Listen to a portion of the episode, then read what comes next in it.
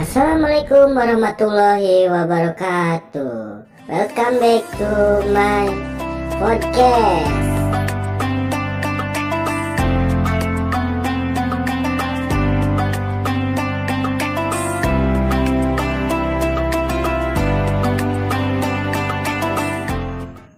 Assalamualaikum warahmatullahi wabarakatuh. Oke, eh, Assalamualaikum warahmatullahi wabarakatuh.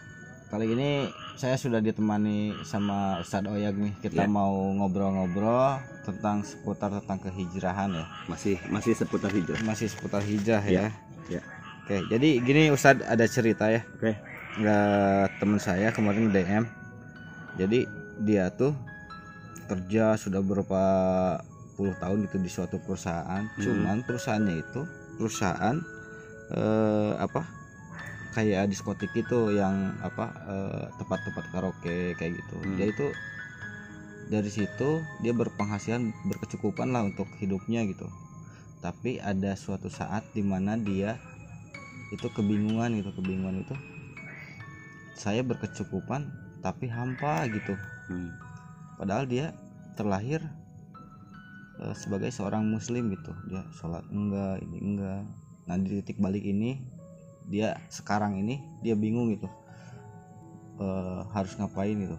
Eh, untuk berhijrah dia tidak tahu bagaimana caranya untuk berhijrah apakah saya harus lanjut lagi untuk bekerja apa saya harus resign la- resign untuk bekerja gitu. Nah yang dia takutkan itu balik lagi ke masalah ekonomi. Hmm. Hmm, dia takutnya pas saat dia resign dia eh, apa,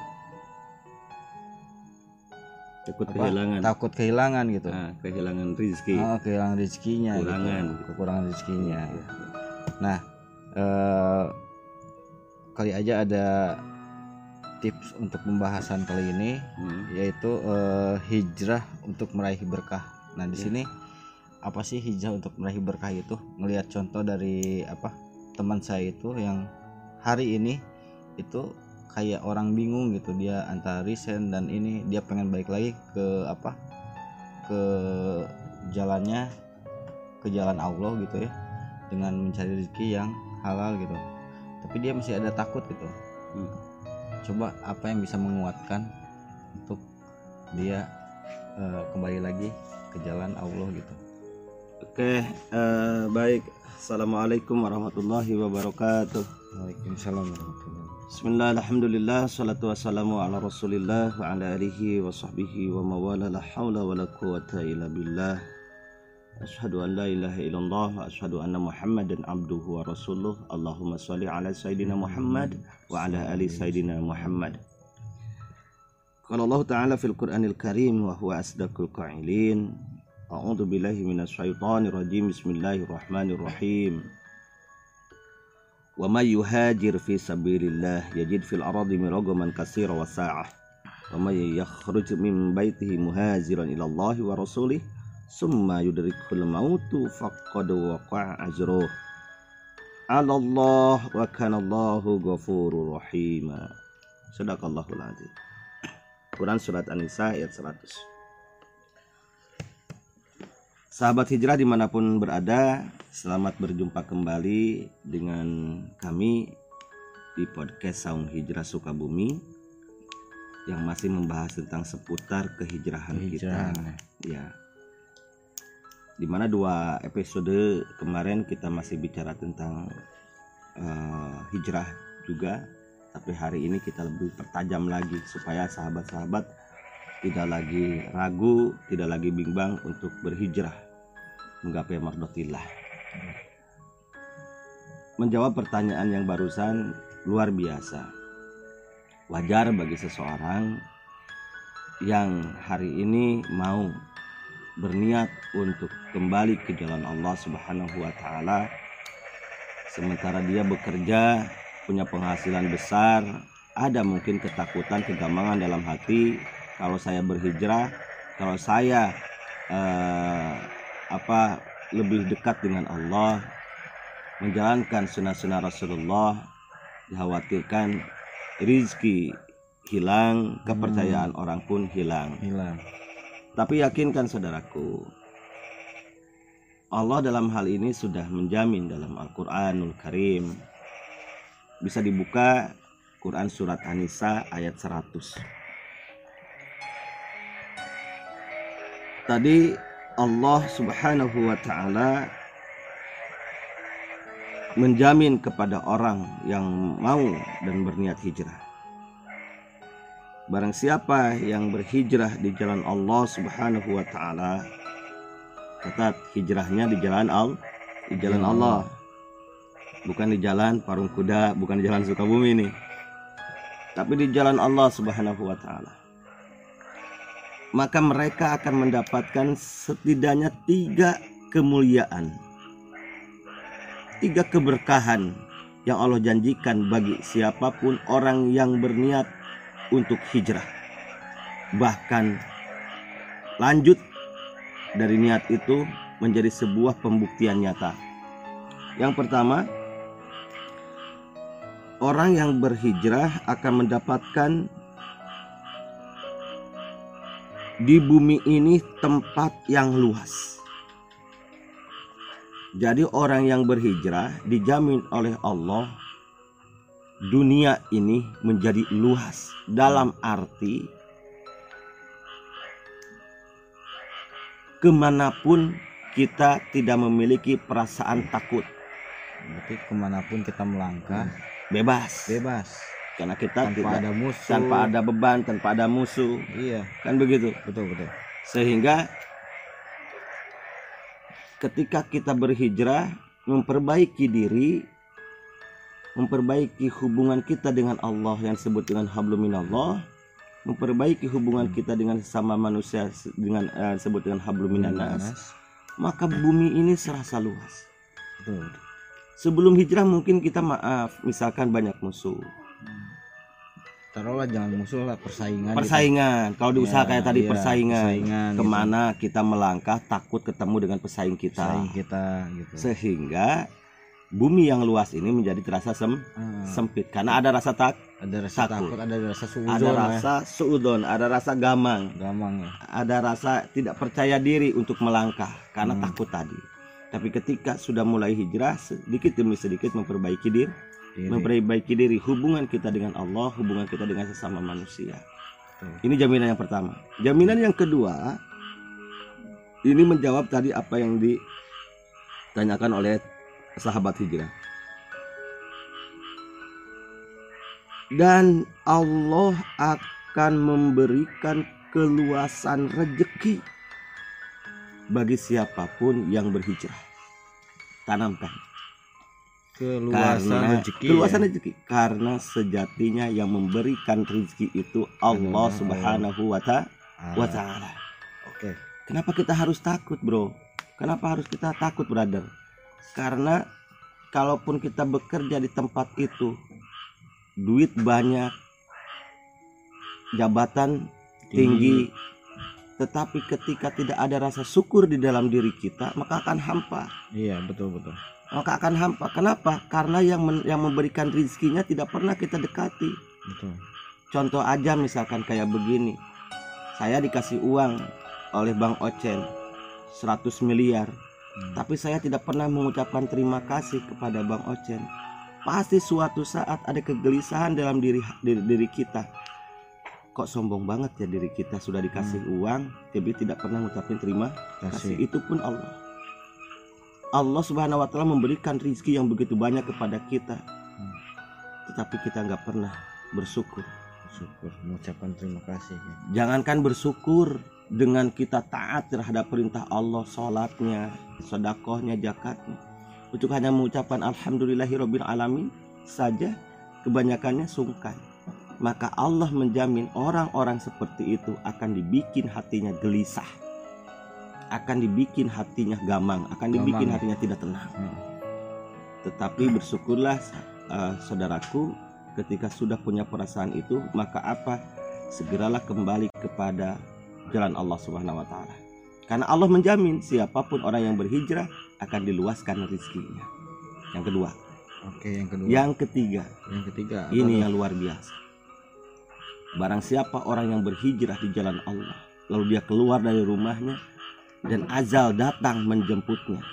maka apa yang akan didapatkan oleh orang itu maka dia sungguh pahalanya telah ditetapkan di sisi Allah Subhanahu wa taala. pahalanya sudah ditetapkan Iya. si Allah ya Sahabat hijrah, pernah nggak antum mendengar ada orang yang membunuh sampai 99 orang? Pada waktu itu dia datang kepada seorang ustadz, Iya. Seorang yang ngerti. Dia tanya, ya ustadz saya ingin taubat, saya ingin hijrah, hmm. saya ingin memperbaiki diri, tapi dosa saya begitu luar biasa banyaknya. Saya sudah membunuh 99 orang. Apakah tobat saya diterima oleh Allah Subhanahu wa taala atau tidak dengan dosa yang begitu banyak? Maka orang seorang yang tahu ini atau paham agama ini tapi kurang bahkan tidak bijaksana dia katakan, "Dosamu begitu besar, brother." Karena dosa kamu begitu besar, Allah tidak akan mengampuni dosamu yang Hmm. begitu luar biasa. jadi ngelihatnya di satu ini ya satu apa Di jumlah satu, sat- iya jumlah satu di jumlah dosa gitu.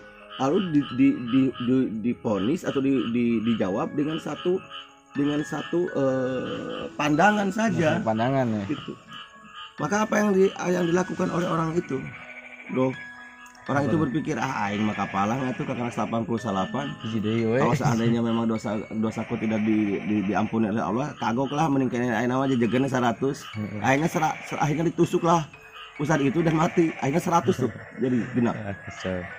Lalu dia bertanya lagi sama orang yang memang paham dan bijaksana. iya Kata orang itu, sebesar apa pun dosamu, selama engkau mau bertobat kepada Allah, Allah Maha Penerima tobat. Asal dasari dengan kecintaan yang luar biasa kepada Allah dan baginda Rasulullah Shallallahu Alaihi Wasallam, maka kamu akan diampuni dosanya. Tapi dengan syarat kamu hijrah hijrah pindah tempatmu dari asal menuju tempat yang yang baik baru yang baru baik maka orang itu melakukan perintah dari orang alim ini dia pindah dari tempat asalnya menuju tempat baru belum sampai ke tempatnya ajal Allah sudah memanggilnya Hmm. maka inilah salah satu penguat dari Quran surat An-Nisa ayat 100 Iya. tetapi apa yang jadi yang yang menjadi yang menjadi eh, eh, akhir dari cerita ini orang tadi ternyata Allah ampuni seluruh dosanya dan insya Allah beliau menjadi ahli surga Iya. jadi nggak ada keraguan dan tidak ada ke tidak ada ketakutan untuk berhijrah dunianya sudah dijamin Iya. ayo Dunia rizkinya sudah dijamin betul sampai akhiratnya Sampai pun akhirat dijamin oleh dijamin. Allah ketika orangnya benar-benar mau hijrah. Jadi jangan pernah takut, brother. Karena kita ini sudah kita ini sudah mendapatkan predikat hebat dari Allah. Allah sudah memberikan predikat kita ini umat Islam adalah umat terbaik di antara seluruh umat. betul betul Quran surat eh, Ali Imran ayat 100 eh, ayat 133. Eh, sorry sorry ayat 110 Ali Imran ayat 110 ya ayat 110 itu apa kata Allah Subhanahu wa taala Bismillahirrahmanirrahim Kuntum khairu ummat ukhrijat linnas ta'muruna bil ma'ruf wa tanhauna 'anil munkar wa tu'minuna billah. Al-ayah. Jadi kalian kita inilah, kita ini sebagai umat Islam adalah umat terbaik di antara seluruh manusia bayangkan. umat terbaik berarti Iya. Jaminan Allahnya buat orang-orang Islam itu adalah menjadi umat terbaik dari seluruh manu- manusia. betul, betul. Yang bagaimana? Yang pertama adalah senang dengan kebaikan. Yang tak muru nabil ma'ruf. Yang kedua, benci kepada kemunkaran kemunkaran. Kan gitu. Watan hauna anil mun, watan hauna anil munkar. Dan yang ketiga, jelasnya adalah iman kepada Allah. Jadi yang pertama senang kepada kebaikan, yang kedua itu senang mencegah kepada kemunkaran, yang ketiga adalah iman kepada Allah. Nah, sahabat hijrah tadi bertanya, saya ini saya ini bekerja di diskotik. Hmm. Maaf, maaf seribu kali maaf. Antum sebenarnya yang bisa menjawab itu. Jadi balik lagi ke diri sendiri. Kembali kembali diri sendiri. Di diskotik apa yang antum lakukan? Setidaknya pemaksiatan ada di situ. Betul. Kalaupun antum kuat, tapi setidaknya pasti suatu saat pernah tergoda. Iya. Ya. Ketika antum hari ini mau berniat hijrah, ada kebaikan dalam diri antum, lakukan. Ya. Yang keduanya, yaitu antum berani mengambil sebuah keputusan untuk mencegah kemunkaran khusus diri antum. Betul, Ya kan? betul. Maka ketika antum mampu melepaskan diri itu, maka Allah akan bukakan pintu rizkinya dari langit dan dari bumi buat antum.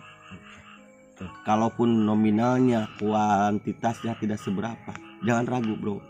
Kalau antum sebelum hijrah mencari rizki dengan menghalalkan segala cara. Tapi ketika kita hijrah, insya Allah rizki yang kita dapatkan dengan cara yang halal. Yang cara yang halal ya. Jadi Insya balik Allah. lagi. Tinggal. Jadi sebenarnya tinggal balik lagi ke ke, ke ini ya ke niat kita Ya, yang lurus yes. kemudian yang paling utama itu keberanian kita untuk berhijrah itu Hmm. lebih-lebih eh, apa lebih-lebih gimana ya kalau misalkan ini eh lebih horor lah ketemu sama hantu gitu keberaniannya. Takut ya? Lebih menakutkan. lebih menakutkan sebenarnya. Tapi eh mungkin buat teman-teman eh jangan sampai takut ya untuk berhijrah. Karena berhijrah itu kita menuju ke yang lebih baik. Oke Ustadz eh, sebentar ya, Ya. Eh, kita ini jeda dulu. Jadi buat teman-teman yang eh, apa yang mau mendengarkan podcast ini bisa di YouTube kemudian nanti kita share di Facebook juga untuk link-linknya kita di eh, ada di Anchor FM Anchor.fm kemudian di aplikasi Spotify kemudian di Google Podcast kemudian di Apple Podcast nah jadi tetap ikutin episode episodenya Insya Allah kita akan eh, terus bersiar menuju Ya. lebih baik lagi Tuh. Karena kita melihat eh, di apa di saat ini di kala pandemik ini banyak orang yang stay at home Hmm. tapi dia tidak mengerjakan apa yang Allah perintahkan gitu Oh, iya. kebanyakan itu dia berleha-leha Hmm. kerja diliburkan makan gaji buta dan sebagainya gitu banyak kan kayak anak muda sekarang banyak kan main game kuota habis kuota habis tapi nggak nggak dipakai buat hal-hal yang lebih baik coba kalau misalkan dengerin podcast Insya Allah ini menjadi suatu majelis online ya Hmm. Dan- majelis online dan dan gini eh, bro ingat bahwa dakwah itu bukan tugas para kiai iya dakwah bukan tugas para ulama tapi Betul. dakwah adalah tugas setiap individu setiap individu ya. karena sejatinya ingat catat ini catat Hmm. catat besar besar ini dakwah itu bukanlah profesi bro. Ya, dakwah itu bukan profesi melainkan sikap amal ya, sunnah bahkan hobi orang mukmin. Harus menjadi hobi. Harus jadi hobi.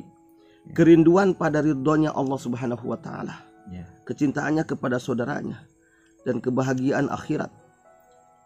Itu harus menjadikan dasar semangat untuk melakukan amal terbaik dengan cara berdakwah. oke Jadi mengajak orang kembali kepada jalan Allah Subhanahu wa taala. Itu dakwah namanya, Bro. Kayak kayak gini. Itu itu terdapat dalam Quran surat Fusilat ya, ayat ke-33. Jadi Allah menyampaikan dalam Quran surat Fusilat ayat ke-33 bagi kita eh, orang-orang hijrah Hmm.